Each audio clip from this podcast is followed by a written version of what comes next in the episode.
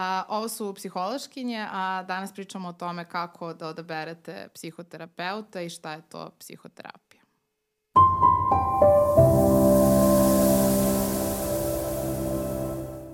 Moram s vama da podelim da ja zapravo nisam nikada bila na psihoterapiji i voljela bih da sad ovde možda popričamo o tome kako uopšte ja da znam da li da treba da krenem na psihoterapiju. Ok, da li, ja ću onda nekako vrlo psihoterapeutski da prebacim ovo pitanje tamo i da kažem, Milice, kako si ti znala da, da me treba autuješ. da kreneš? da te Ali pustila onako... sam te da me autuješ. E da, ja sam isto imala to pitanje kao jako dugo, ovaj, sam se pitala da li treba ili ne treba jedna psihoterapija. U stvari, ono što je meni tu pomoglo, jestu, kao da donesem tu odluku, jeste pre svega to što su me dve drugarice koje su psihološkinje, ovaj, podržale u tome, odnosno one su mi predložile to i to je bilo dosta dobro. I sad, jako je bitno tu da naglasimo da smo mi ovde dosta privilegovani kad je to u pitanju, zato što uglavnom imamo ono, krug ljudi, krug kolega i koleginica oko sebe koji možda umeju da prepoznaju da imamo problem čak i onda kada mi sami ne prepoznamo. I još smo više privilegovani zato što imamo koga da pitamo mm. gde da idemo, kome da se javimo, ne znam sad, ja mogu da pitam Mariju da li možda mi preporuči za mene ili za nekog mog, nekog svog kolegu ili koleginicu. E, i u stvari ćemo u ovoj epizodi da se bavimo time kako da nađeš mm. psihoterapeuta, to jest kako da shvatiš da li ti to treba, a onda i kako i da nađeš psihoterapeuta, s obzirom na to da smo svesni da prosto ono, mm. nemaju svi tu privilegiju da poznaju ono milion psihologa i psihoterapeuta koji onda samo mogu da pitaju. Da. I ovaj, da se vratim nekako na baš to tvoje pitanje kako da znaš da li ti treba psihoterapija. Kao što je Milica rekla, ona je negde osetila pa je bila podržana u tome. Ja sam neko ko je krenuo na psihoterapiju u okviru svoje psihoterapijske edukacije i sećam se tada da sam ja kretala iz te pozicije, aha, ok, ja sad moram da idem na svoju psihoterapiju zato što želim da postane psihoterapeut, pa je to deo moje edukacije i doći ćemo ovaj, do toga. Um, I bukvalno sam tako počela svoju prvu seancu i kažem ja sam ovde zato što ja moram da budem. Mm. Meni to ovaj, ne treba i onda 15 minuta nakon toga sam plakala ko kiša i plakala do kraja seanse. U smislu da nekada čak postoji taj moment da možda i ne prepoznajemo uh, da nam treba, kao što si Milica negdje rekla da je neko drugi ovaj, možda sugerisao to. Uh, ono što bi negde mogla da kažem, kako možemo da znamo da li nam je to potrebno, prvenstveno um, ako je to nešto što okupira većinu uh, našeg dana, znači da li je to neki problem um, ili je nešto što nas muči, ako je većina naših misli u toku dana i u toku nedelje zapravo fokusirano na to.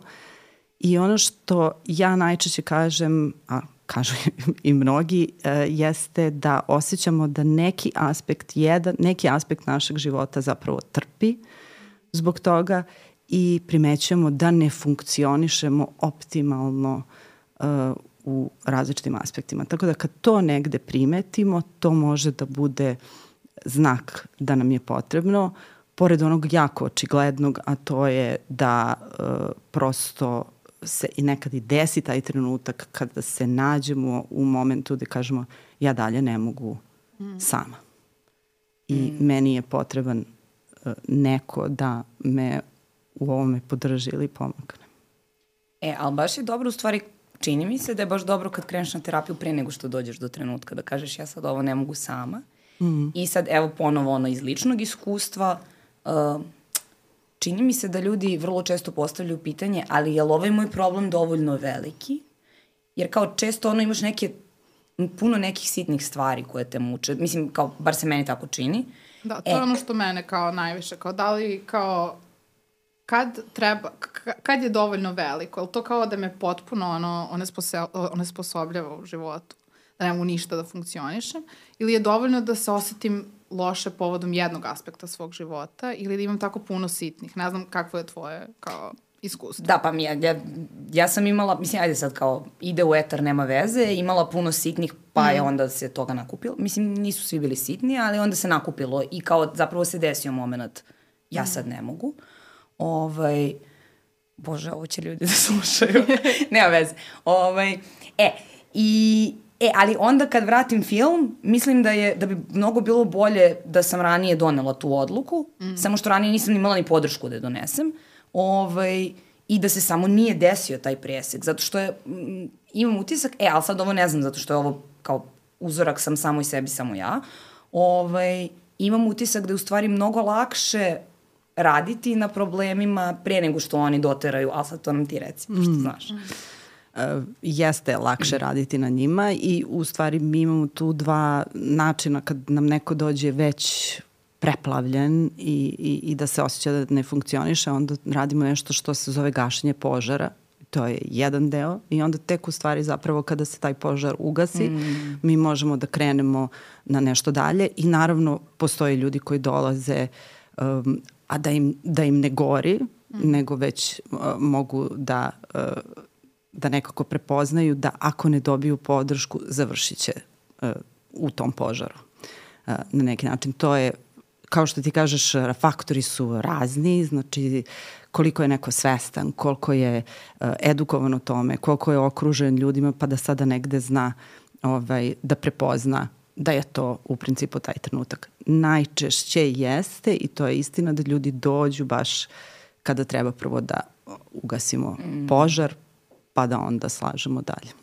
E, ali kad si sad to rekla već, uh, da li je sad iz, iz tvog terapijskog iskustva, da li ti je lakše, da li ti se čini u stvari da je proces terapijski mm. lakši ako nema tog gašenja požara? Uf, mislim da nema odgovor na ovo pitanje.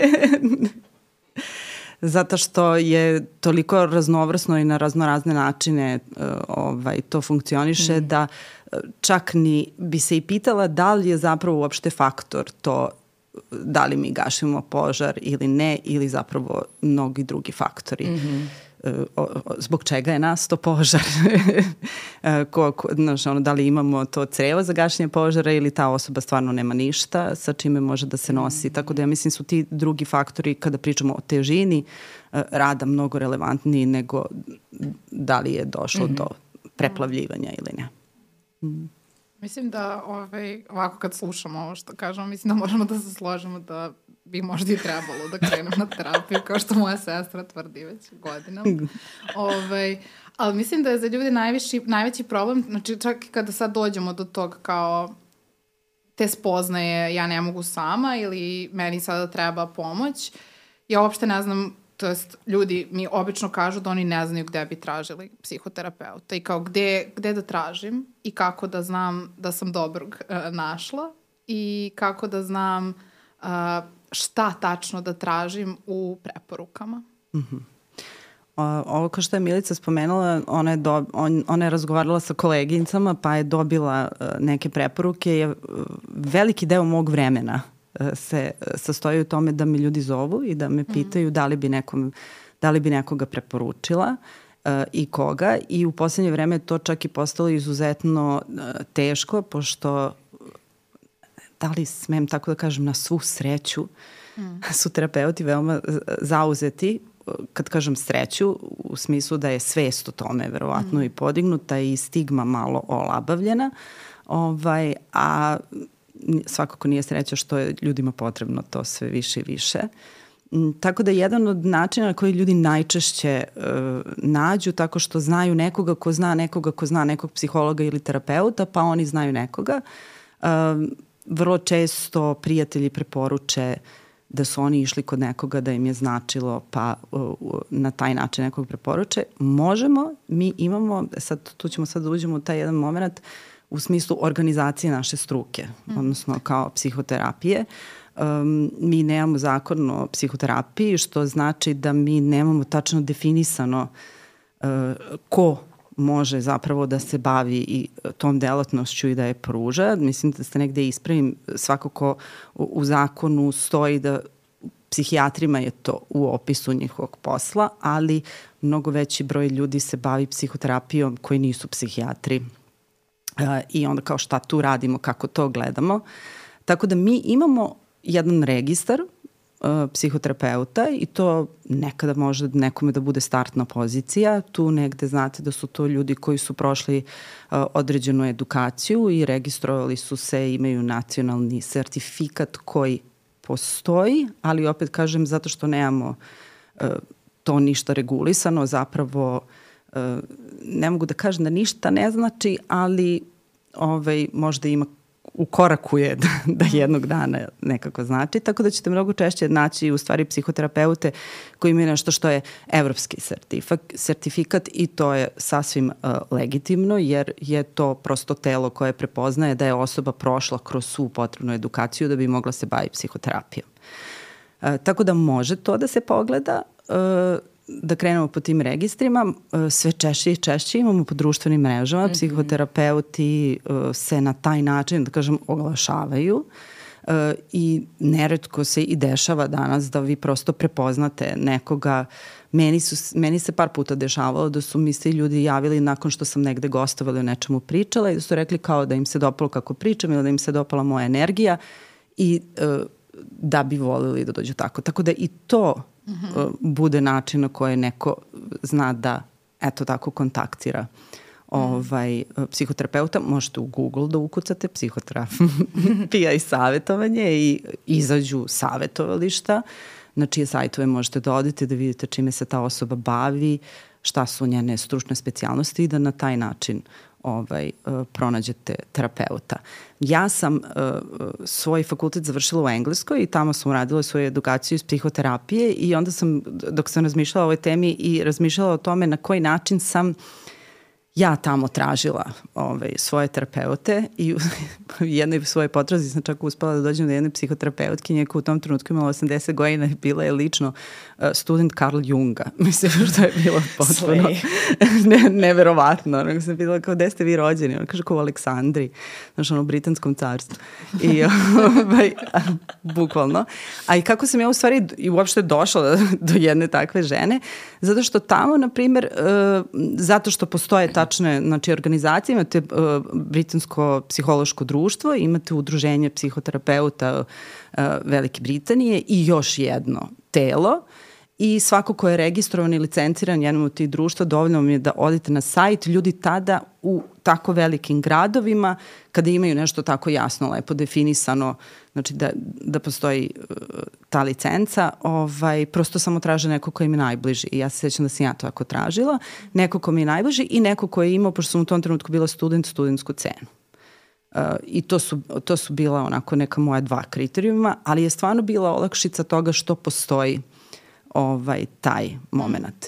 Um, ima i treći deo koji kod nas možda ređe, baš se ređe dešava, ja mislim tek u povoju i razvoju, ali se mnogo često dešava na zapadu, gde je to malo više razvijeno, a to je da ako da u, u svom osiguranju imate da vam to pokriva određeni broj seansa psihoterapije, onda i samo osiguravajuće društvo ima spisak terapeuta koji primaju mm. osiguranje i onda je onda to bude način na koji može da se bira ovaj, terapeut. Ali to je ono samo kako dođemo u kontakt.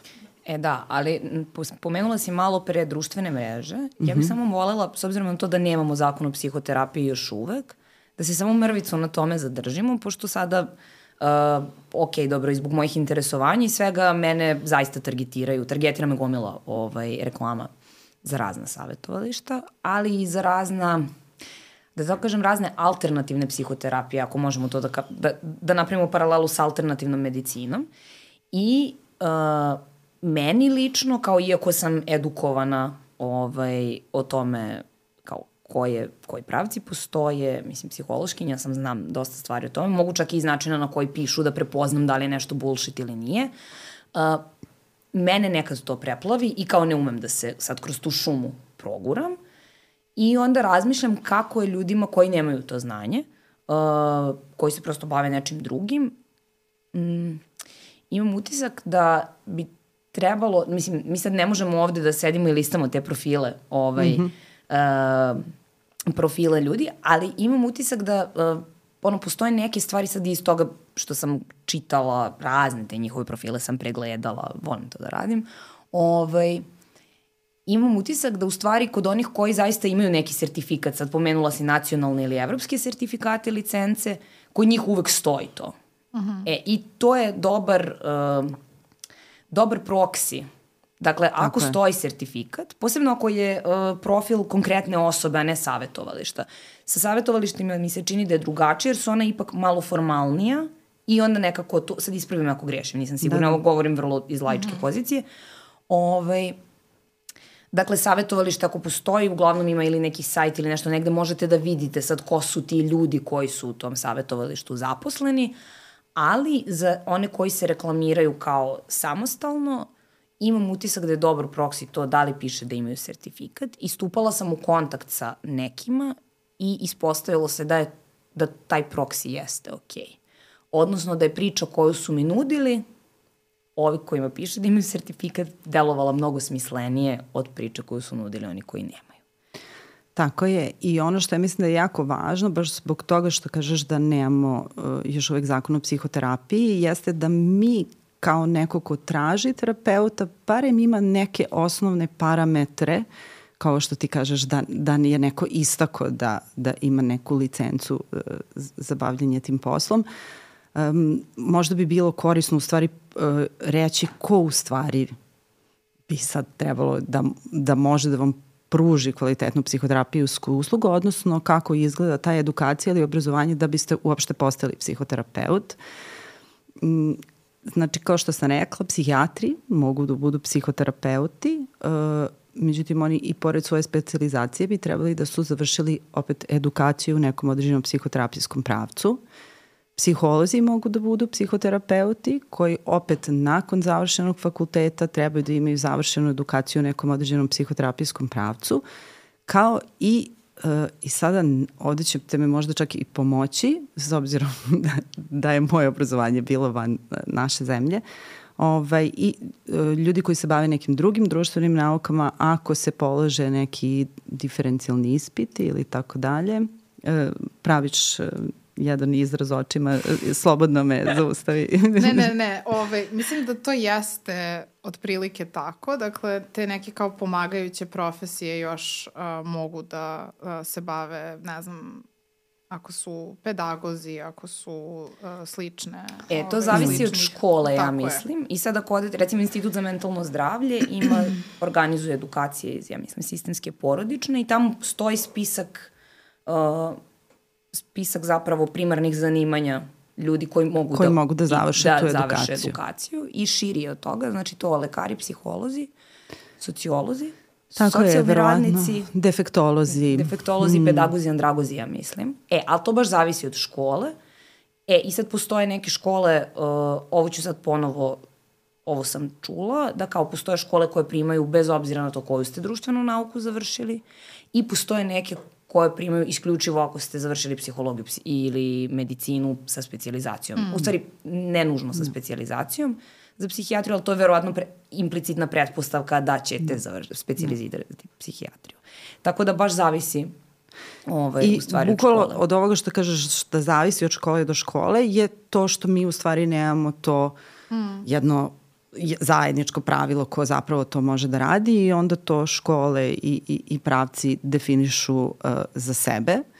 Um, ali ja mislim da ste bezbedni i sigurni sa svakim ko je zapravo završio prepoznatu psihoterapijsku edukaciju uh, u našoj zemlji i zato što su oni najčešće, kažem, pod okriljem tih nekih većih in, instanci u Evropi ili globalno ovaj, u svetu. To je najčešće četvorogodišnja uh, edukacija koja podrazumeva da uh, je osoba koja to znači završava je radila, imala svoj neki lični rad, znači da su išli na ovaj, psihoterapiju, e, da su odlazili na određene supervizije i da su sakupili određeni broj e, terapijsko, sati terapijskog rada i onda dobiju tu licencu i mogu da, da se bave psihoterapijom. Meni u Engleskoj to bilo, interesantno mi je da to u stvari podelim, zašto mislim da je jako lepo organizovano i nije nemoguće da, da se tako nešto ovaj, organizuje. E, Moja terapeutkinja u uh, Engleskoj, uh, ne ovo što je bila učenica Karla Junga, um, je na primer uh, bila uh, ovaj, režiser dokumentarnih filmova. I onda se prekvalifikovala, mora da se završi osnovne studije psihologije, upisuju se postdiplomske uh, studije iz psihoterapije i savjetovanja. I psihoterapijom tamo može se bavi neko ko je, što oni zovu counseling psychologist, psihološki savjetnik ili clinical psychologist, klinički psiholog. Uh, razlika je između te uh, dve edukacije samo u tome što klinički psiholozi još rade i um, sa populacijom koja ima neke teškoće u razvoju.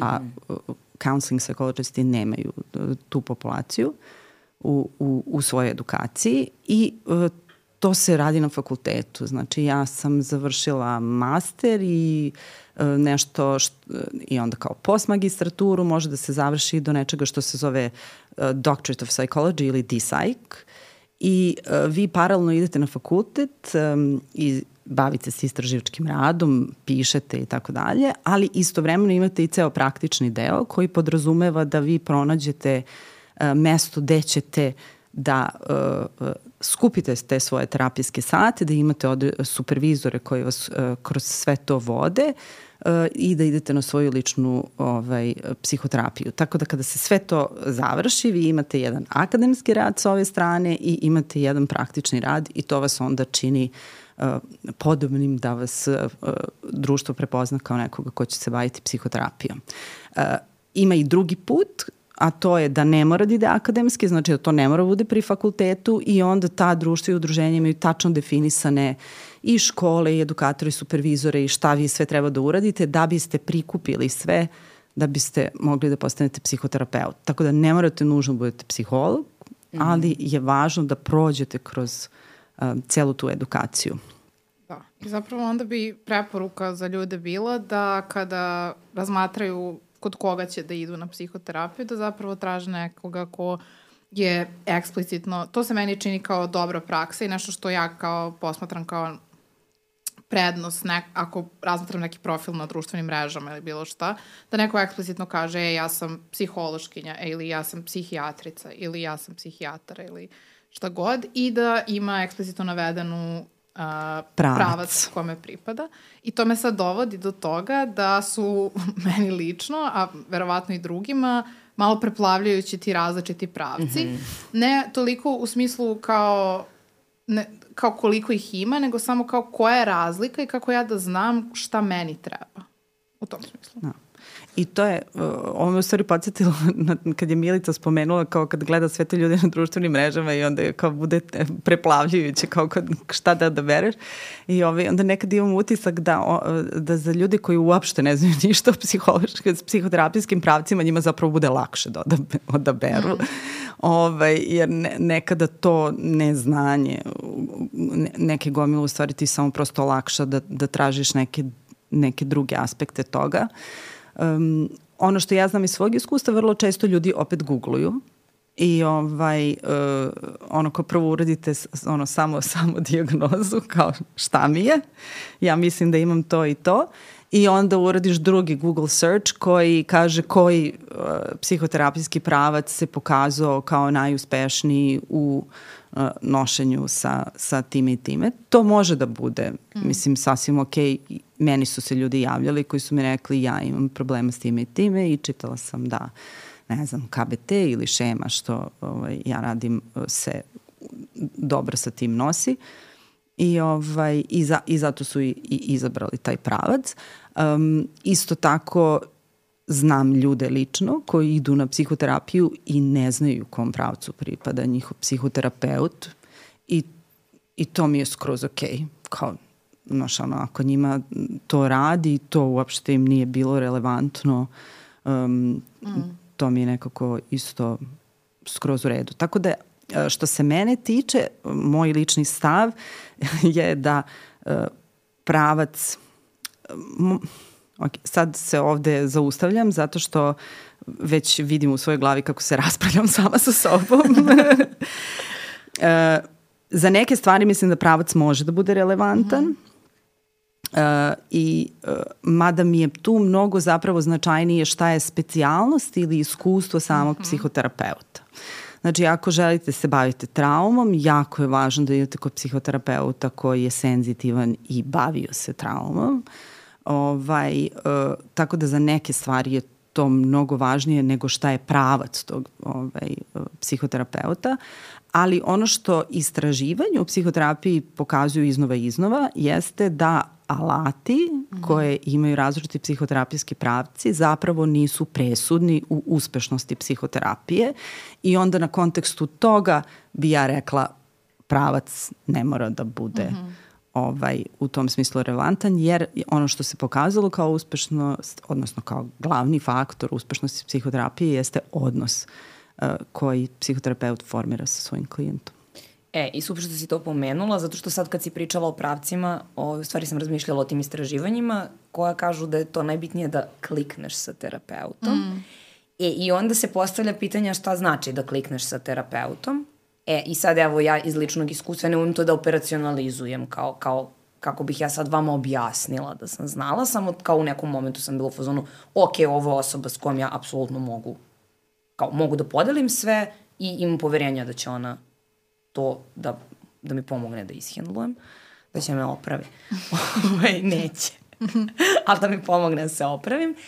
E, kako, kako iz ugla psihoterapeuta možemo da definišemo šta znači da je klijent da kliknuo da sa kliknuo. tobom ili ti sa njim? No. To je ono ko pitanje, šalim se. E, je li od milion kao, dinara? ne, nije, to je ono ko pitanje kao kako si znao da treba da se udaš za svog muža? kao, jer smo kliknuli. Ovaj, um, hvala Bogu, mislim, mi ne ostavljamo takve stvari nekako u, u abstrakciji, psihologija i istraživanje psiho, psihoterapije psihologije nam vrlo jasno nekada definišu šta, šta je to neopipljivo što se desi.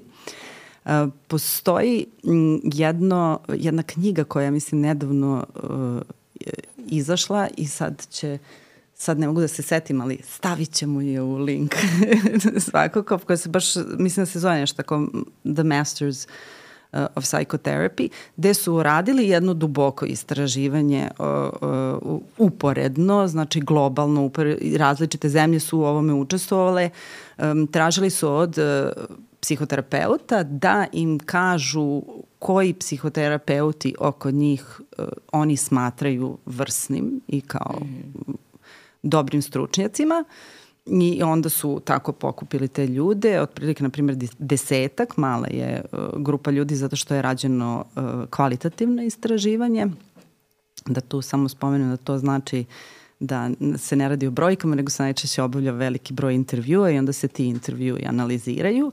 I uh, izvukli su šta su te karakteristike uh, uspešnih terapeuta i sad to je, znam da ti je pitanje bilo šta znači dobro kliknuti, ali vrlo često kada terapeut ima ove uh, karakteristike, može vrlo često da dođe zapravo do tog uh, dobrog poklapanja, jer je to mm. ono što ti u stvari gledaš uh, kada razmišljaš o tome da li smo kliknuli.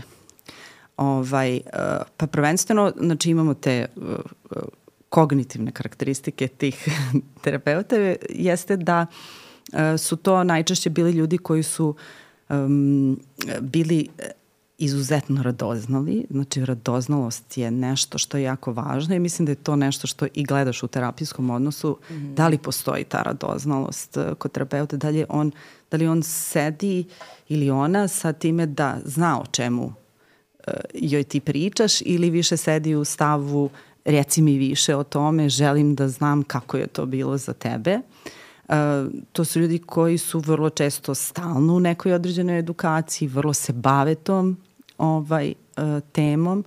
Znači, to je jedna od onih profesija koju učiš do kraja života, jer se stalno nešto iznova uh, pronalazi, ali ne samo što se iznova pronalazi, nego ljudi su tako širok pojam da mi ono kao, ne znam, ono, možemo stalno iznova i iznova da izučavamo i nikada nećemo doći do nekog ono konkretnog uh, e, zaključka i to su stvarno nekako ljudi koji nemaju taj jedan odgovor e, e, na pitanje i to ja mislim da smo mi možda spomenuli e, kad smo pričali o psihologiji da ako najđete na psihologa, to važi za psihoterapeuta koji vam da neko određeno mhm. gotovo rešenje, ovaj, najverovatnije baš nije ovaj, taj idealan. Mm. Ovaj, to je sad kao taj kognitivni aspekt, aspekt što se tiče ovog emotivnog, e, karakteristika, to su ljudi koji su vrlo empatični i to je, ja mislim, ono kad pričamo o, o fitu i o klikovanju. Znači, to je neko ko uh, uh, zna da se poveže uh, sa tobom, koji pokazuje jako puno empatije prema onome što pričaš, koji ti jako veruje onome što pričaš, uh, stvara jednu atmosferu bezbednosti i sigurnosti i pored toga što su psihoterapiji ta uh, atmosfera bezbednosti stvara sa gomilom nekih faktora u samoj terapijskoj prostoriji. Znači od toga da, je, da to bude jednom nedeljno, da to traje 50 minuta ili sat vremena, uh, uh, da postoje te neke da kažemo rutine ili konzistentnosti koje ti stvaraju i sama osoba ti stvara taj osjećaj. Znači to je prosto neko s kim imaš taj unutrašnji osjećaj da možeš da pričaš, mm. da možeš da se poveriš, da te ona neće osuditi, da to što ispričaš neće sutra završiti na, na internetu mm. ili ne znam gde. I, uh, I taj dubok odnos poverenja koji oni grade je jako važan. I treća neka karakteristika je ono što sad postaje sve važnije i važnije, čak i u psihoterapijskom svetu, pošto ja nekako kao kad gledam od kada sam uh, završila svoju edukaciju pa do danas, šta su ono ko bili glavni buzzwords u svetu psihoterapije, mislim da sad dolazimo do, do tog jednog, a to je relacijono, odnosno na koji način se terapeut s, s tobom povezuje. Um, I taj, opet se vraćamo na taj odnos koji gradi. Mm -hmm. Znači, bez obzira što um, ja mogu da pružim empatiju, što ja isto tako, i to je jako važno, znam šta da radim sa svojim emocijama kada one dođu u, u terapijskoj seanciji, a to znači da ja sve vrijeme sam ili na nekom, e, samo da spomenu to, radu na sebi, Ove, ovaj, ali da sam samo u svojoj psihoterapiji, da, to ne znači da ja nemam e, krizu u svom životu, to ne znači da ja nisam preplavljena u određenim trenucima, to samo znači da um, ja vodim računa o tome. Znači, ja mm -hmm. hendlujem svoj emotivni problem i moment i ne unosim ga ovaj, u, u samu terapijsku seansu. To je, ja mislim da je negde jako važno ta to samo regulisanje ono kao ovaj, terapeuta, ali i taj način kako se ovaj, povezujem. Tako da mahom mi nećemo, sad, i svaki put sam razmišljala o ovome, onda sam se setila svoje koleginice i, i kolega koji možda ne bi baš tako opisala, a, a budu baš dobri terapeuti, ali vrlo često stvarno ljudi koji su terapeuti je neko ko uh, autentično voli ljude, voli da se povezuje, to jeste stvarno bila ona osoba koju su svi dolazili da pričaju sa njima i postoji razlog zašto su svi dolazili i pričaju sa njima zato što su mhm. -huh. imali te neke određene karakteristike i znali su da se povežu sa ljudima. Mhm. -huh. A da se vratimo mi na moj problem. da. Sam, Ajde. Da, mislim, kao najbitnije da rešimo moje probleme, naravno. Ovaj, dakle, ok, treba mi terapeut, tražim preporuku, googlam, probam da, probam da dođem do njega, odaberem nekoga terapijska škola uglavnom nije važna. Važno je ovo što si sada rekla, jel da, važan je taj relacijo, važno je s kim pričaš više Tako nego uh, kom pravcu on pripada, ali je bitno da postoji neki pravac kome pripada. I da, da ako, i ono što mi je baš važno kažem, da ako stvarno postoje neke, neki specifični problemi koji su negde jako jasni, da da tražiš nekoga ko ima iskustvo u radu sa tim. Mm -hmm. Znači, da, uh, uh, vrlo, na, prvo što mi pada na pamet, ako neko ima neki problem sa uh, bolestima zavisnosti. Mm -hmm. Tu stvarno moraš da imaš specializovanog terapeuta koji se usko time bavi. Tako da postoje neke uh, stvari koje su jako relevantne, da samo tražiš, znači ne pravac, nego stručnost uh, mm -hmm. u, u, u baš tom domenu. Mm -hmm kad pričaš o ovom povezivanju i tom mm -hmm. kao relacijama, meni pada na pamet da je možda bitno a, ljudima, ne znam, možda i meni, ovaj, to kog je pola moj terapeut mm. ili kog je on uzrasta ili koja su njegova, ne znam, neka šira ubeđenja o svetu i ljudima, ajde to tako neutralno da kažemo. Ovaj, I kako to, kako to, mislim, kako to, kako to upliva u tvoj terapijski proces ili u tvoj milice? Kao, kako, kako je to bilo iz strane tebe kao klijenta? A Jel kako tebi je bilo to... važno? Meni je bilo samo važno da bude žensko. I ništa okay. drugo. I zbog čega? Uh, zato što ne bih mogla u potpunosti da se otvorim nekome ne bih muškarcu mogla u potpunosti da se otvorim, iako kao problemi s kojima sam ja došla nisu ni na koji način um, nisu rodno specifični. Mm. Uh, znači nije kao da sam ja imala, ne znam, ono, traumatsko iskustvo u kom je učestvovao muškarac, pa da mi je kao zbog toga to bilo bitno. Ne. Uh, samo nekako meni to bilo prijatnije. E, i zbog jedne bitne stvari, a to je kao, pošto živimo u društvu i pošto živimo u svetu ono, rodnih stereotipa i patrijarhata, imala sam utisak i dalje stojim pri tome da uh, osoba koja je istog pola kao ja može mnogo lakše da se stavi u cipele moje rodne uloge, što je kao, nije bilo bitno za kao same probleme s kojima sam ja došla, ali jeste za, mislim, za život. Mm. Da. I to se vrlo često dešava i ja, ja to u potpunosti razumem i stvarno nemam što kažem, ništa protiv toga, iako verovatno možda postoje ono kao kolege i koleginice koje bi nešto prokomentarisale po tom pitanju. Ja imam nekoliko klijentkinja koje su me birale uh, zato što sam majka. Mm -hmm.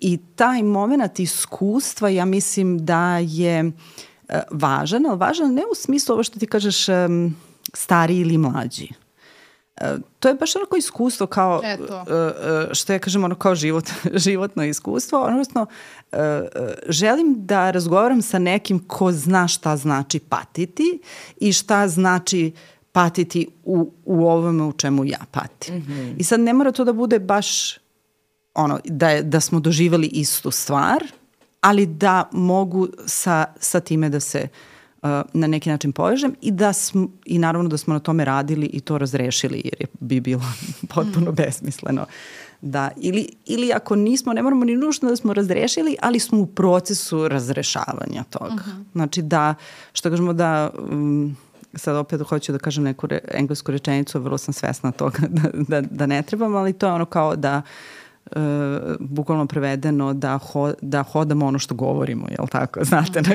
na, na koju ovaj, mislim. Tako da u, u tom smislu iskustva. Mm -hmm. Znači da bude i vrlo često će klijenti um, će im to biti relevantno da se povežu na osnovu sličnog iskustva i ja mislim da je to jedan od glavnih razloga zašto se bira uh, muškarac ili žena. Mm -hmm. Mislim da treba spomenuti da ovaj, uh, mnogo manje imamo muških psihoterapeuta nego da. što imamo ženskih, što je sad verovatno jedna ogromna tema, ono kao žene su u pomagajućim profesijama i mi razumemo i mi negujemo i mi brinemo i tako dalje. Ali bi tu samo volila da kažem da ono, uh, mu, muški psihoterapeuti su, znaju da stvarno budu sjajni. Mislim da je izuzetno lekovito iskustvo zapravo nekada a, biti u odnosu sa muškarcem koji je empatičan, podržavajući, razumljiv. Pa stvarno zato što ovaj, re...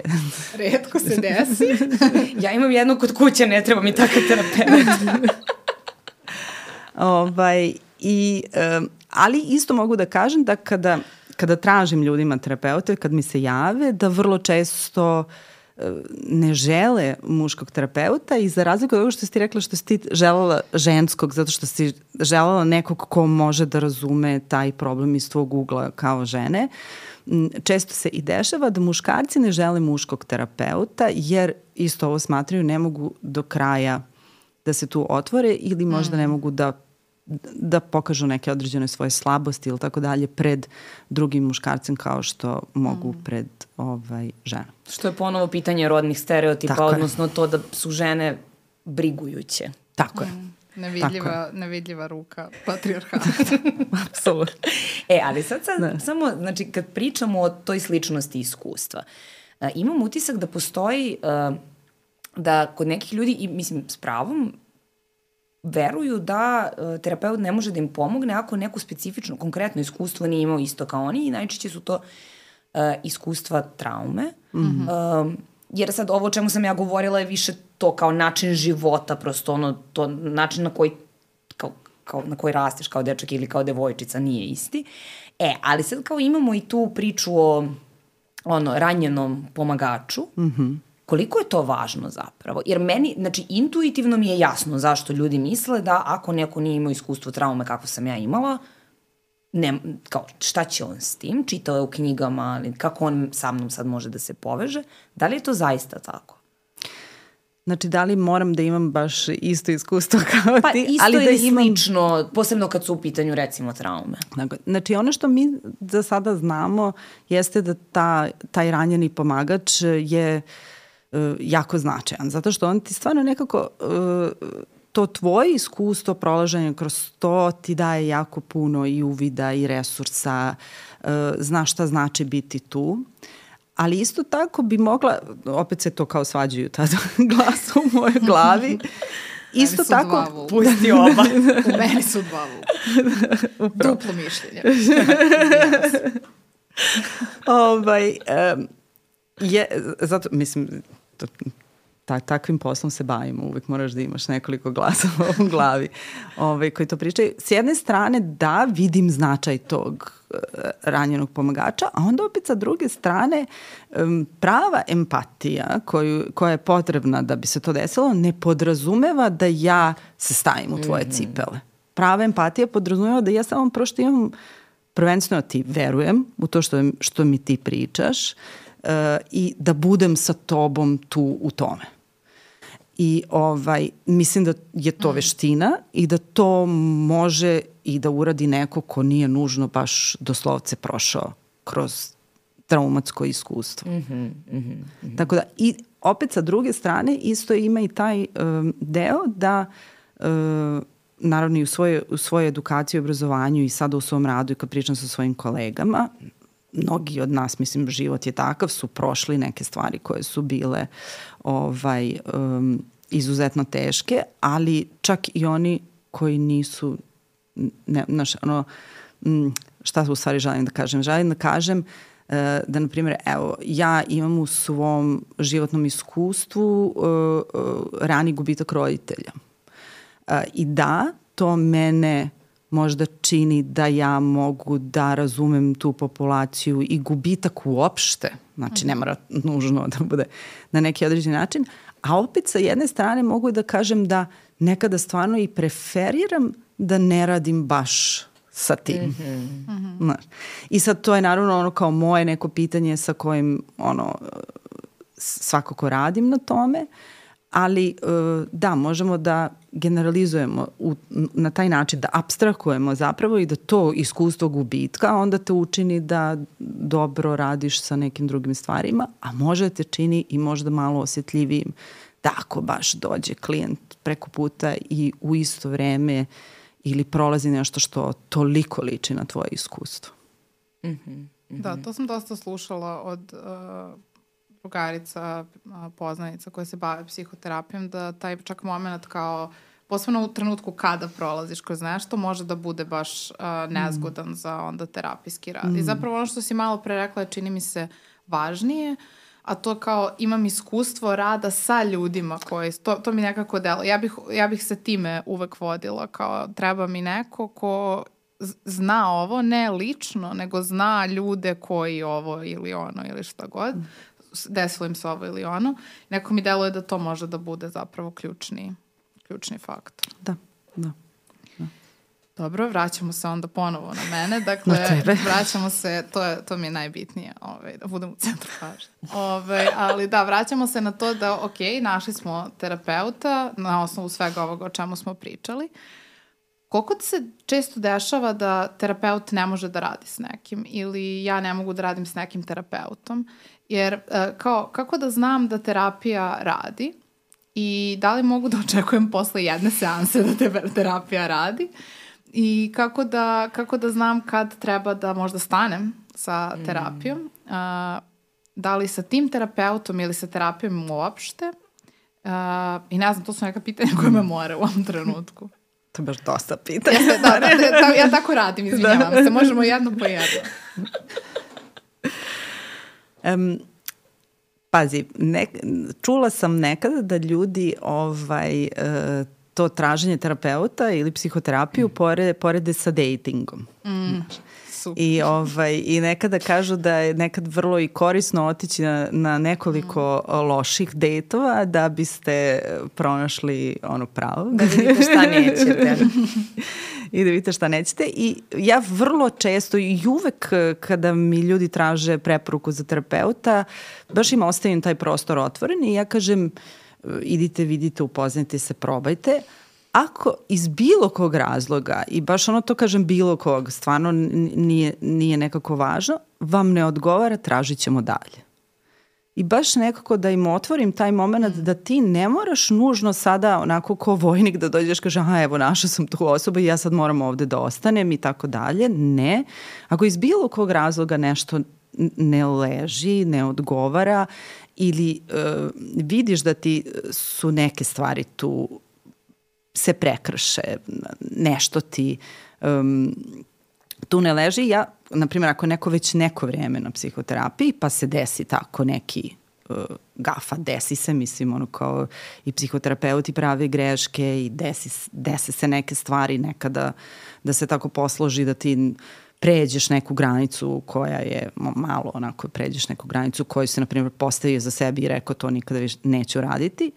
Ovaj, da prvo ih nekako ohrabrim da vrate to ovaj, svom terapeutu i da im kažu, e, to mi je smetalo, to mi nije odgovaralo. I da na osnovu tog odgovora, slušajući šta im kakav je to odgovor psihoterapeuta, zapravo onda mm. odluče. Jer ako psihoterapeut krene da se brani, da bude defanzivan, da sad to okrene ka tebi, da ne želi da čuje, odnosno ono što je najvažnije, da nije receptivan na feedback, na povratnu informaciju koju dobija od vas, a, onda bi se ja tu zapitala kao, aha, da li zapravo ja želim da nastavim u ovakvom odnosu i kako se ja u tom odnosu uh, ovaj osjećam. Jer je okej okay da pogrešiš, mm. ono kao čovjek i žena si, ovaj, Mislim, ali da prihvatiš da si, gre, da si pogrešila. Ali da prihvatiš i, i, i da možeš da čuješ i da znaš koliko je u stvari vjerojatno tom klijentu i klijentkinji bilo teško da, da ti uopšte skrene nekako pažnju to. Tako da uvek nekako tu, kažem, nemaju odmah da, mm. da bežiš, da ideš. Ovaj, ko što sam jednog svog prijatelja vratila kad je kad sam shvatila da je ghostovao svoju terapeutkinju. Nekam, ti se samo nisi pojavio, ni, ništa ni, ni, nisi uradio, nećeš da je se javiš i vratio je se. I, i nastavili su. Znači, uvek nekako ohrabrim ljude da, da, da to provere, a onda kada se tu m, ne desi ono što im je važno mm. da menjaju. Kako znamo da terapija radi? To je ovo bilo drugo. To je bilo drugo. Nego samo sam tela ako mm -hmm. možemo na, da se nadovežemo na ovo, pošto sad eto, na ovo pitanje.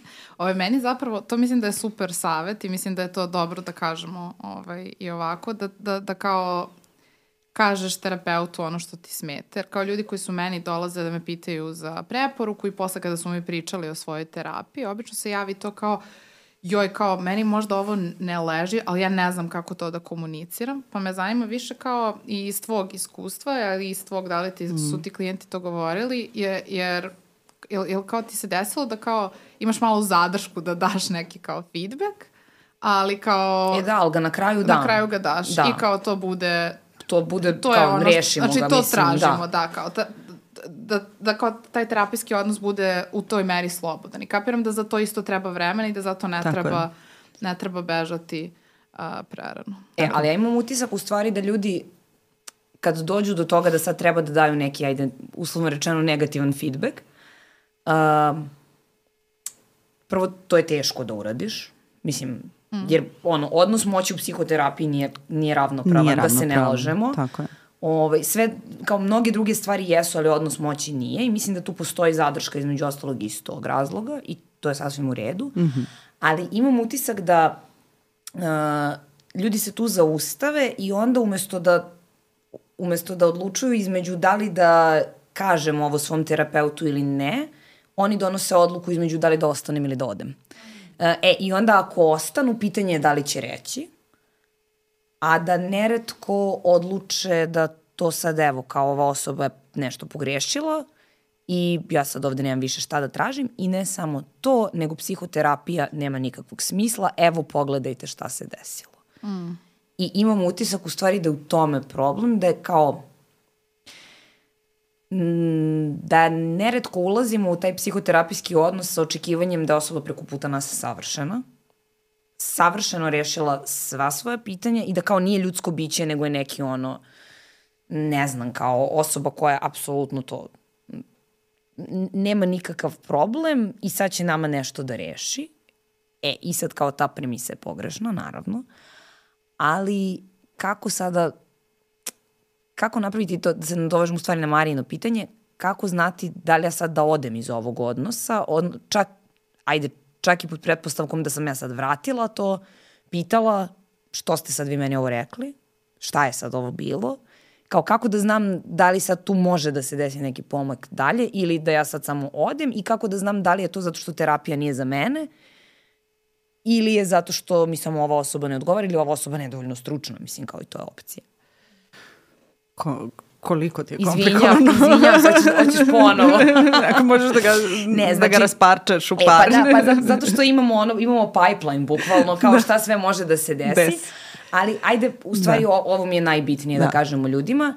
Da li to što je sad možda čak i došlo do toga da ti terapeut ne odgovori na tvoju potrebu na, na način na koji bi trebalo, da li to znači da ti treba sada da odlučiš da je terapija potpuno besmislena i da se više nikad ne vratiš kod tog ili kod drugog terapeuta sve jedno.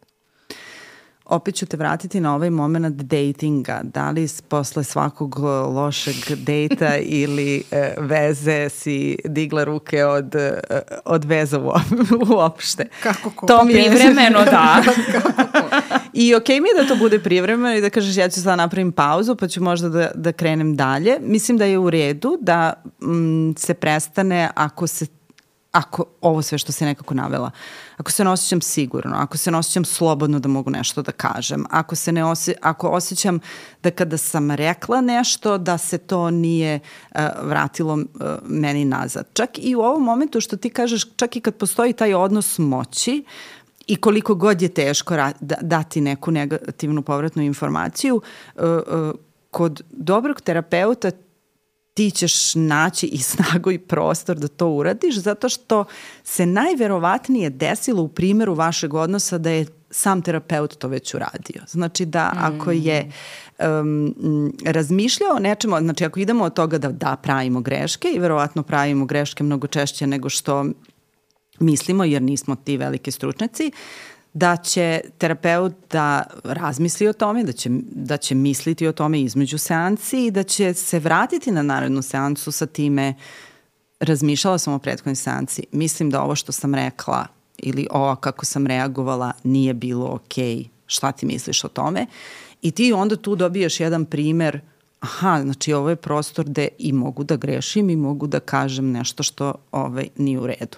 Tako da stvarno mislim da svi ovi momenti, ako ja ne mogu da kažem svoju grešku, ako nisam uh, slobodna, ako ne mogu da kažem šta mi smeta, to je odnos u kome ti e, se ne osjećaš sigurno i bezbedno i taj odnos je meni sasvim legitimno, čak bi podržala da se prekine. Kao, da pratiš svoju potrebu i da kažeš e, ovaj, meni treba nešto više ili drugačije, ali to ne znači da psihoterapija ne radi ili da nije za tebe i ovaj i napravi taj ovaj um, tu pauzu, ne znam, možda ima neki rebound, tako što ćeš da odeš nekde na, na Instagram ili, da, ili na masažu ili kao da upišeš boks i onda ovaj, i da probaš ponovo uh, sa psihoterapijom. Sledeći projekat Tinder za psihoterapiju kad smo kod datinga. Da, imam u stvari utisak sad samo nekako da ovo, kao kako meni ovo deluje iz perspektive ne psihoterapeuta, uh, kao da je tu poverenje užasno važno, jer ti ako imaš dovoljno poverenja, u nekom momentu ćeš reći, ja mislim da si pogrešio, pogrešila i užasno je važno da se onda to poverenje ne prokocka. Nekako da. mislim, mislim mm, da, da. da tako najkraće možemo da sažmemo ovaj, mm. ovu, ovu problematiku. Baš lepo rečeno, da. I ja bih samo možda, to, to ste obe nekako provukle, dakle, evo ispravite me ako nije tako, dakle terapija treba da bude siguran prostor, ne mora da bude lagano i ne mora da bude ugodno uvek, ali mora da bude sigurno. Za e, mene. užasno je neugodno e, i to je, to je da, jedan, od, jedan od predrasuda kao od stereotipa u stvari s kojima ljudi dolaze kao ja kao pa ja sam krenula na terapiju, ali mene se to potpuno razorilo mm. i da, brate, razorit ćete ali ćeš posle da se ono sastaviš da budeš bolji samom sebi, mislim. Um, I vrlo često to isto kao imam ono, puno prijatelja koji nisu, nisu uopšte iz ove priče i onda tako neko od nas krene na terapiju. Po, sad ponovo sam ono pijani teča koji ima primjer iz života, svako, svako ali je relevantan. Primjer šta ću. Volimo taj tvoj modalitet. Ja, ja, to, to je meni omiljeno. ovaj, E, i onda najčešće na samom početku osobi bude jako loše i cela ekipa se pita, brate mile, što je sad tako loše, a krenula je na terapiju, bukvalno nikad je gore nije bilo.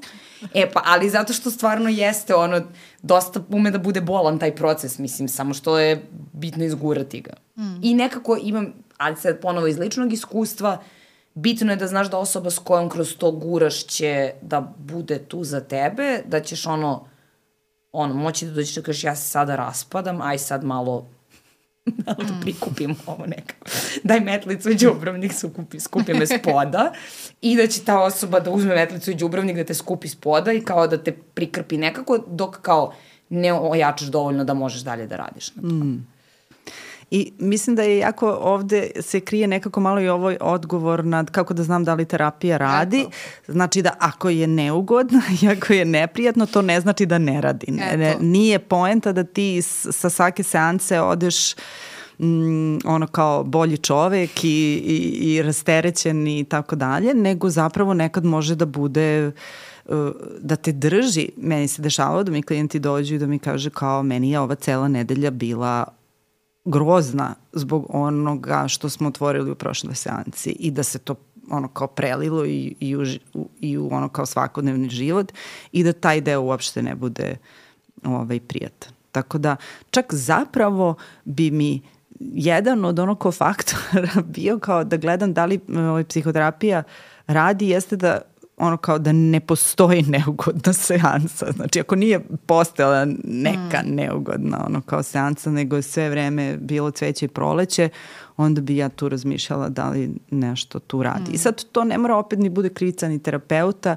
to može nekada bude i krivica terapeuta i klijenta, mislim možda krivica mi je mnogo jaka reč da, da nekako koristim, ali odgovornost i, i jednog i drugog i to je isto mislim važno sad kad sam govorila mm. spomenuti za tuku uspešnost terapije ovaj, veliki deo odgovornosti i leži i u samom klijentu. Znači ako ti dođeš i kao sedneš i sada misliš evo radite na meni mm. ovaj, da mi bude bolje, a da ja ne moram prstom da maknem i to se neće desiti. Mm.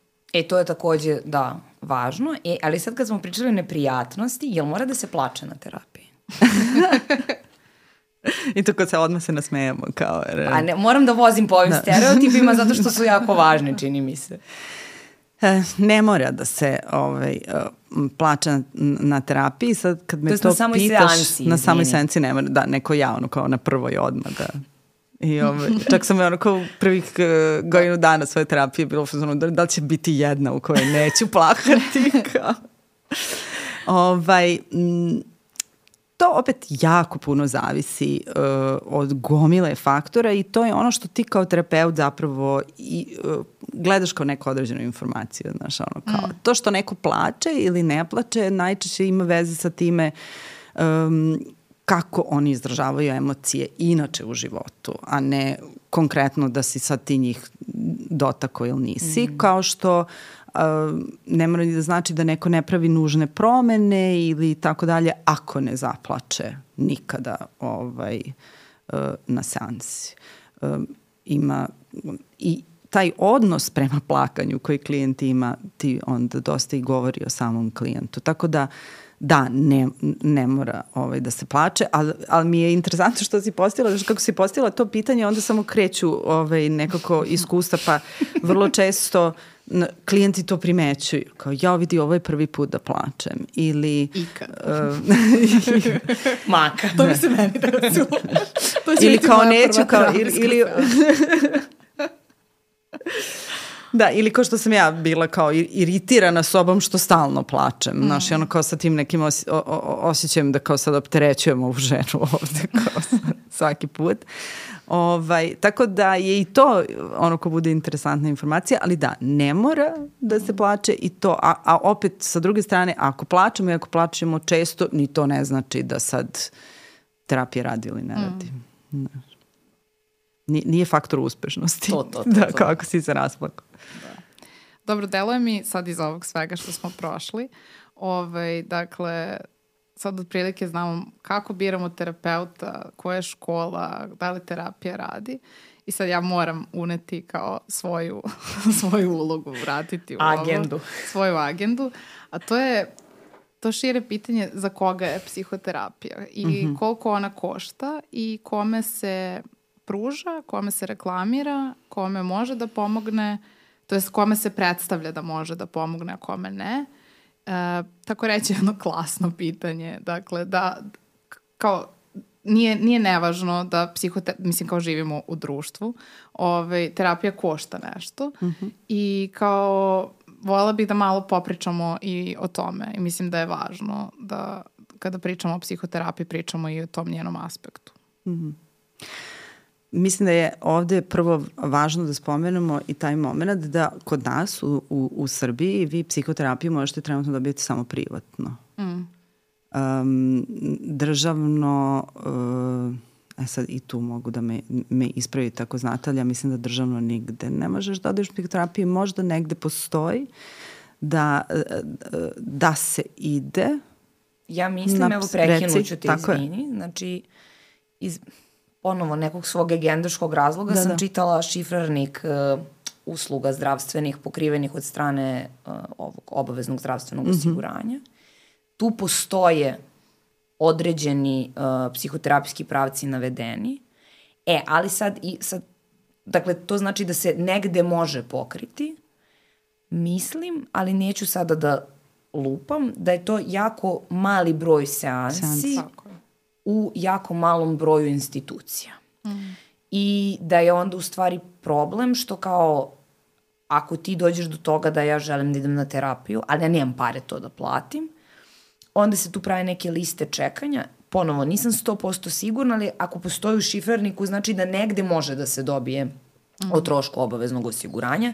Pitanje je koliki su kapaciteti i pitanje je koliko zapravo seansi uh, je e, dostupno, možemo to da istražimo i da onda linkujemo mm. ovaj, u opis epizode, da. da ne bismo ostavili ljude bez te informacije, jer je važno. Da, da. I to je problem koji, moram da kažem, postoji svuda u svetu. E, i to nije, nismo najgori. Da. Samo da bude jasno. Nije, nije samo kod nas. E, mislim da je to pitanje mentalnog zdravlja generalno i globalno kao uh, nešto što treba da se mm -hmm. prepozna, kao nešto što treba da se pozna da, da je važno. Uh, i da se onda u okviru toga psihoterapija prepozna kao ono što može da prevenira i da leči uh, određene probleme. Tako, I da nam pomogne u tom našem mentalnom zdravlju. I kada to sve uradi, a to treba da uradi društvo i sistem i tako mm. dalje, ovaj, uh, onda bi sistem bio u obavezi zapravo da to onda omogući uh, ljudima. Kao što, mislim, uvek mi pada naravno medicina, znači da. mi imamo, možemo da odemo kod doktora i možemo da dobijemo ove lekove i ne plaćamo, tako. ne znam, određene lekove i tako dalje, jer je to nešto što je prepoznato da je to lek i to nama pomaže. Sada, znači, to bi bio prvi korak mm. da, se, da se to ovaj, uradi. U svetu su apsolutno slični problemi. Ja sam u Engleskoj radila baš pri njihovoj uh, nacionalnoj zdravstvenoj službi u, u ono kao što je, hoću, kažem, kancelariji doktora u klinici jednoj, baš ono kao tipa, što kažu, zona šest u Londonu, ono, radnička klasa i tako mhm. dalje, baš ljudi koji nemaju verovatno mogućnosti da plaćaju to po cenama koje to košta u Londonu. Ovaj, I oni su tu dobijali to, šest seansi I kada ti ograničiš uh, tako broj seansi koje ti pokriva zdravstveno, onda ti u stvari i ograničiš uh, to na određene terapijske pravce, pa se onda određeni terapijski pravci favorizuju u tom nekom smislu. Mm -hmm. I um, znači ja dolazim kao iz kognitivno-behavioralnog ovaj pravca koji je u tom sistemu vrlo favorizovan. Znači zato što uh, se tvrdi da mogu određene stvari da se le, reše u tih šest seansi. A je li I, dovoljno stvarno šest seansi, osim ako se ne rešavaju kao baš jako konkretni problemi? Nije, znači samo za baš jako konkretne probleme, znači dođeš, imaš panični napad i mm. rešavamo panični napad. I to možda može da se uradi u šest seanci i tu ovaj, se staje. Od ljudi koji su meni dolazili u tom periodu kad sam ja radila i mogla njima da pružim šest seanci, ovaj, mislim, to su stvarno mahom bile stvari koje daleko ono, prevazilazi tih šest seanci i onda ljudi ostanu na tome, aha, šta ja sad? Mm. I ti kao ništa, ideš, obratiš se nekom drugom i tako dalje. Uh, u Americi uh, osiguranje, znači njihovo ovaj, osiguranje pokriva uh, opet određeni broj. Isto tako... privat, privatno osiguranje njihovo. Privatno, privatno osiguranje, naravno, njihovo privatno osiguranje. I uh, tim mahom možeš da nađeš e, psihoterapeute kojim će ti tvoje privatno osiguranje pokriti ili bi morao, na primjer, da doplatiš Eto. neki mm -hmm. mali deo, tipa fazon seanca košta tamo u proseku između 150 do 200 dolara sat, osiguranje ti pokrije 145 dolara i ti onda doplatiš e, na tog terapeuta. Ono što je tu problematično jeste što osiguranje, znači to je velika količina papirologije uh, i terapeuti neće se smaraju sa tim. Mm. I onda ti imaš uh, gomilu ljudi koji ako su razvili svoju privatnu psihoterapijsku praksu i ako ona radi i funkcioniše i bez da primaju osiguranje, će prosto izabrati da ne primaju osiguranje. Ovaj, tako da i onda i oni imaju problema u stvari da, da, da nađu nekoga. Ono što mi je do sada najnaprednije što sam ja čula jesu Austrija i Nemačka, zdravstveno osiguranje do godinu dana psihoterapije, pa čak i psihoanalizu ovaj, će ti pokriti ako znači, tvoj o, lekar opšte prakse, prepostavljam i onda vjerovatno i psihijatar i tako dalje, ovaj, definiše da je to nešto što je tebi potrebno. To mi je ono naj naprednije, ali tu je ono društvo samo prosto prepoznalo da da. je to važno pokriti. Mi smo baš, baš daleko od toga, tako da danas ono što jeste uh, lepo u svemu tome uh, jeste što mnoge moje kolegnice i kolege prepoznaju da uh mhm. -huh. to bude ljudima problem. Pa onda imamo one varijante gde kao, kao advokati u Americi imamo određeni procenat klijenata koje radiš pro bono ili koje radiš sa nekom baš simboličnom cenom koju oni u tom trenutku mogu da plate. Mnogi kolege i kolegnice su organizovale organ, neke organizacije svoje su otvorile koje pružaju uh mhm. -huh. ovaj, e, besplatnu psihoterapijsku pomoć ljudima koji su najčešće studenti ili su tako uh mhm. -huh. nekako socijalno ugroženi. Mislim da to može da se uradi još bolje, zato što je ovde bukvalno samo na pojedincu. Uh mhm. -huh Ovaj, a kada bi smo bili nekako podržani nekim možda većim organizacijama, to sigurno može da, da, da ide i ono kao dalje i šire. Um, evo, opet ću da dam primer kako to može, kako se to u Engleskoj, na primjer, radilo. Uh, ja sam, uh, sad sam skroz zaboravila kako im se zove organizacija, ali nešto, Kids nešto, ne mogu se setim, koja je baš uh, imala za ideju da pruži play terapiju uh -huh. uh, deci u socijalno ugroženim londonskim sredinama i to baš onako žešćim. Ja se sećam da svaki put kad sam izlazila u toj školi da sam ove, radila e, na toj stanici, znači sva, svake nedelje me dočeka ovako natpis gde piše kao, ne znam, juče u 5.50 taj i taj izboden nožem, ako znate nešto. Znači to je takav setting. I, ovaj, i oni su baš išli u te kao socijalno ugrožene škole, imali su svoje play therapy sobice Uh, koje su bile u dvorištu i onda kada psiholog škole ili učiteljica ili tako dalje prepozna dete koje bi mu značilo da ide, ovaj, mi smo dobijali psihoterapijske sate i superviziju plaćenu od strane te organizacije, a oni su, a škola je dobijala psihoterapiju mm. za decu u škole. Mislim što je, mislim tako da to može da se kad se dovede na, na malo viši nivo, može da se omogući uh, da bude pristupačno hmm. i široj populaciji. Da, e, ali sad bih samo uh, da pomenem, sad baš to, uh, vi ste dobili sate, znači svako je dobio nešto. Nešto. Um, da u suštini naj, vrlo često su najpovoljniji, nismo o tome pričali, a mm -hmm. trebalo bi najpovoljnija cena seanse je kod ljudi koji su i dalje u edukaciji ili su pod supervizijom, što je fair, dakle ponovo njima trebaju terapijski sati.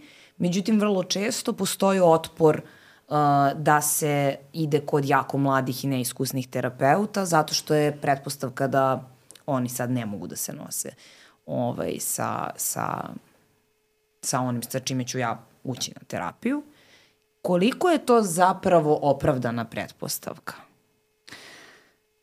Ovako, ja bi tu baš stala na stranu svojih mladih kolega. Kada je neko Čak postoji jedno istraživanje i to je opet nešto, naći ću ga pa, će, pa ćemo postavati ako misle da je relevantno. Ja baš mislim da je jako interesantno meni bilo koje je zapravo pokazalo da mladi terapeuti su bolji terapeuti. Mm. I sad u kom smislu bolji? Um, oni su predani, uh, vrlo su u materiji, znaju ono što je, što je savremeno u istraživanju psihoterapije i ovaj, um, sećam se um, neš, nedavno sam prevodila uh, jednu supervizijsku radionicu i kad su došli svi terapeuti koji su došli na tu radionicu, žena koja je došla iz Velike Britanije, koja ona ima 30-40 ono, godina terapijskog rada iza sebe, mi je samo prokomentarisala, bože, oni su svi mladi. I tu sam onda kao krenula da razmišljam, kao pa Pa da, vrlo često ono što se desi je ti kad završiš sa tom svojom edukacijom, ti vrlo često završiš sa bilo kakvim učenjem. Mm -hmm. I to je ono kao sad možemo se povežemo sa mnogim stvarima i kad biraš ovaj, e, svog terapeuta, super je da, da čuješ da ti kaže e, morat ću da otkažem e, seansu sledeće nedelje, idem na neku konferenciju ili idem na neku edukaciju mm. ili tako nešto, znači da, da tvoj terapeut i dalje uči ovaj, i otvoren je novim saznanjima. E, tako da to je ono što u stvari dobijemo kod tih mladih terapeuta, da su vrlo u materiji, da su vrlo predani, da nisu umorni od tog posla, znaš ono koji je mm. životno i tako dalje, da ne sede u poziciji ja videla sam, ne znam, milion ovakih primjera, znam tačno kako će da ide terapijska seansa i tako dalje. Ovaj, I onda stvarno dobiješ tu posvećenost, ja mislim ovaj, kad je neko u edukaciji pa kaže pa je, pa je pod supervizijom i vrlo često uh, će bojažljivo ti terapeuti reći kad se neko javi uh, i kaže ja znate, ali ja sam, ja sam pod supervizijom i ne, neću, zato moja cena tolika. Vrlo često nekako tako opravdaju i kao što je niža cena. Ovaj, ne, mislim da to ljudi uopšte ne treba da, da plaši, jer to znači da ta osoba je pod supervizijom. Znači, postoji još jedan mhm. iskusni terapeut, barem još jedan, onog poželjno je da bude i više, ovaj, koji nadgleda rad ovaj, tog terapeuta. To znači i, pod, i terapeuti bi trebali budu otvoreni po tom pitanju. Uh, kada kažu da rade sa supervizorom, da će nositi uh mhm. -huh. ove informacije na svoju supervizijsku seansu um, gde su isto u obavezi da drže poverljivost, znači neće izneti vaše ime ili pod, određene podatke koji će vas otkriti kao ko ste i šta ste, ali će pričati o tome šta se dešava i tako dalje. Tako da taj terapeut je zapravo podržan uh mhm. -huh. i ono kao sa vama radi više terapeuta odjednom. Šalim se, baš uopšte ne mora da znači uh, uh, da je to išta loše. Uh mhm. -huh. I kao što, što, što kažem, baš meni je to sjajno kako su rešili u Engleskoj, što su u stvari te mladi terapeute koji su u edukaciji zapravo upravo uposlili tamo gde uh, svako ima neku korist, jer svakako da. znače. Mislim da je to kao suština i ovog pitanja koje smo pokrenuli, to da se na nivou društva, na malo širem nivou prepoznaje značaj psihoterapije i onda postoji jednostavno ulaganje u to, dakle kako organizujemo psihoterapijsku praksu i to da kao svako tu dobija nešto, a svako daje koliko treba i može da daje to je, ovaj, mislim, kao idealno uređenje društva. ovaj, I mislim da onda, da je to zapravo i suština, kao to što terapija košta i samo da, da ne bude kao, to je usluga koju vam neko pruža, za koju se obrazova i kao u redu je da, da košta, naravno. Mora od nečega da živi. Mora i terapeut od nečega da živi i kao, ok, on je obrazovan za to i naravno da pruža uslugu i za nju dobija a, neku nadoknadu, ali mislim da u onom trenutku kada kao postoji svest u društvu da je to nešto što je važno, onda ćemo imati ovo što kaže kažeš i kao prepoznavanje na nivou osiguranja i na, na, na prepoznavanje da isto kao što ću da idem kod lekara kad me, ono, kad polomim ruku, tako ću isto kad mi je teško da idem kod uh, psihoterapeuta i da prosto prostoji taj neki širi uh, sistem. Ovaj, što se toga tiče da ona košta i da treba da košta, jer to je mm. jedna usluga, tu ima jedan moment koji ja mislim da je jako važan, a to je da uh, ima onaj moment kao, pa da, naravno da ti treba da me razumeš jer ja tebe plaćam. ja plaćam nekoga ovaj, da me razume i zato je važno ovo što si, što si napomenula i, i da terapeut treba nečega da živi. Ono što, što se plaća u terapijskoj seansi jeste ta edukacija o kojoj smo spominjali. -hmm. Znači, to dosta košta da sad ti tebe, sebe pustiš kroz četiri godine osnovnih studija, pa četiri godine ono, još ovaj, učenja i edukacije. Mm, terapeut, e, ako je dobar terapeut, plaća svoju superviziju i svoje supervizore koji ovaj, koštaju više nego što vi plaćate seansu. košta svata, e, koštaju svata učešća na raznorazne edukacije, na njihove odlaske na konferencije, na to njihovo usavršavanje isto tako košta. Tako da ono što se zapravo, ta prostorija u kojoj sedite, ta struja koju mora da plati ili infostan ili tako mhm. dalje, to su sve stvari koje koštaju i to je ono što ulazi u cenu seance. Mm. Ono što ne ulazi u cenu seance jeste taj odnos koji vi formirate sa svojim terapeutom. To se, ono, kao, mm. taj deo se ne plaća. To nije ono što plaćate.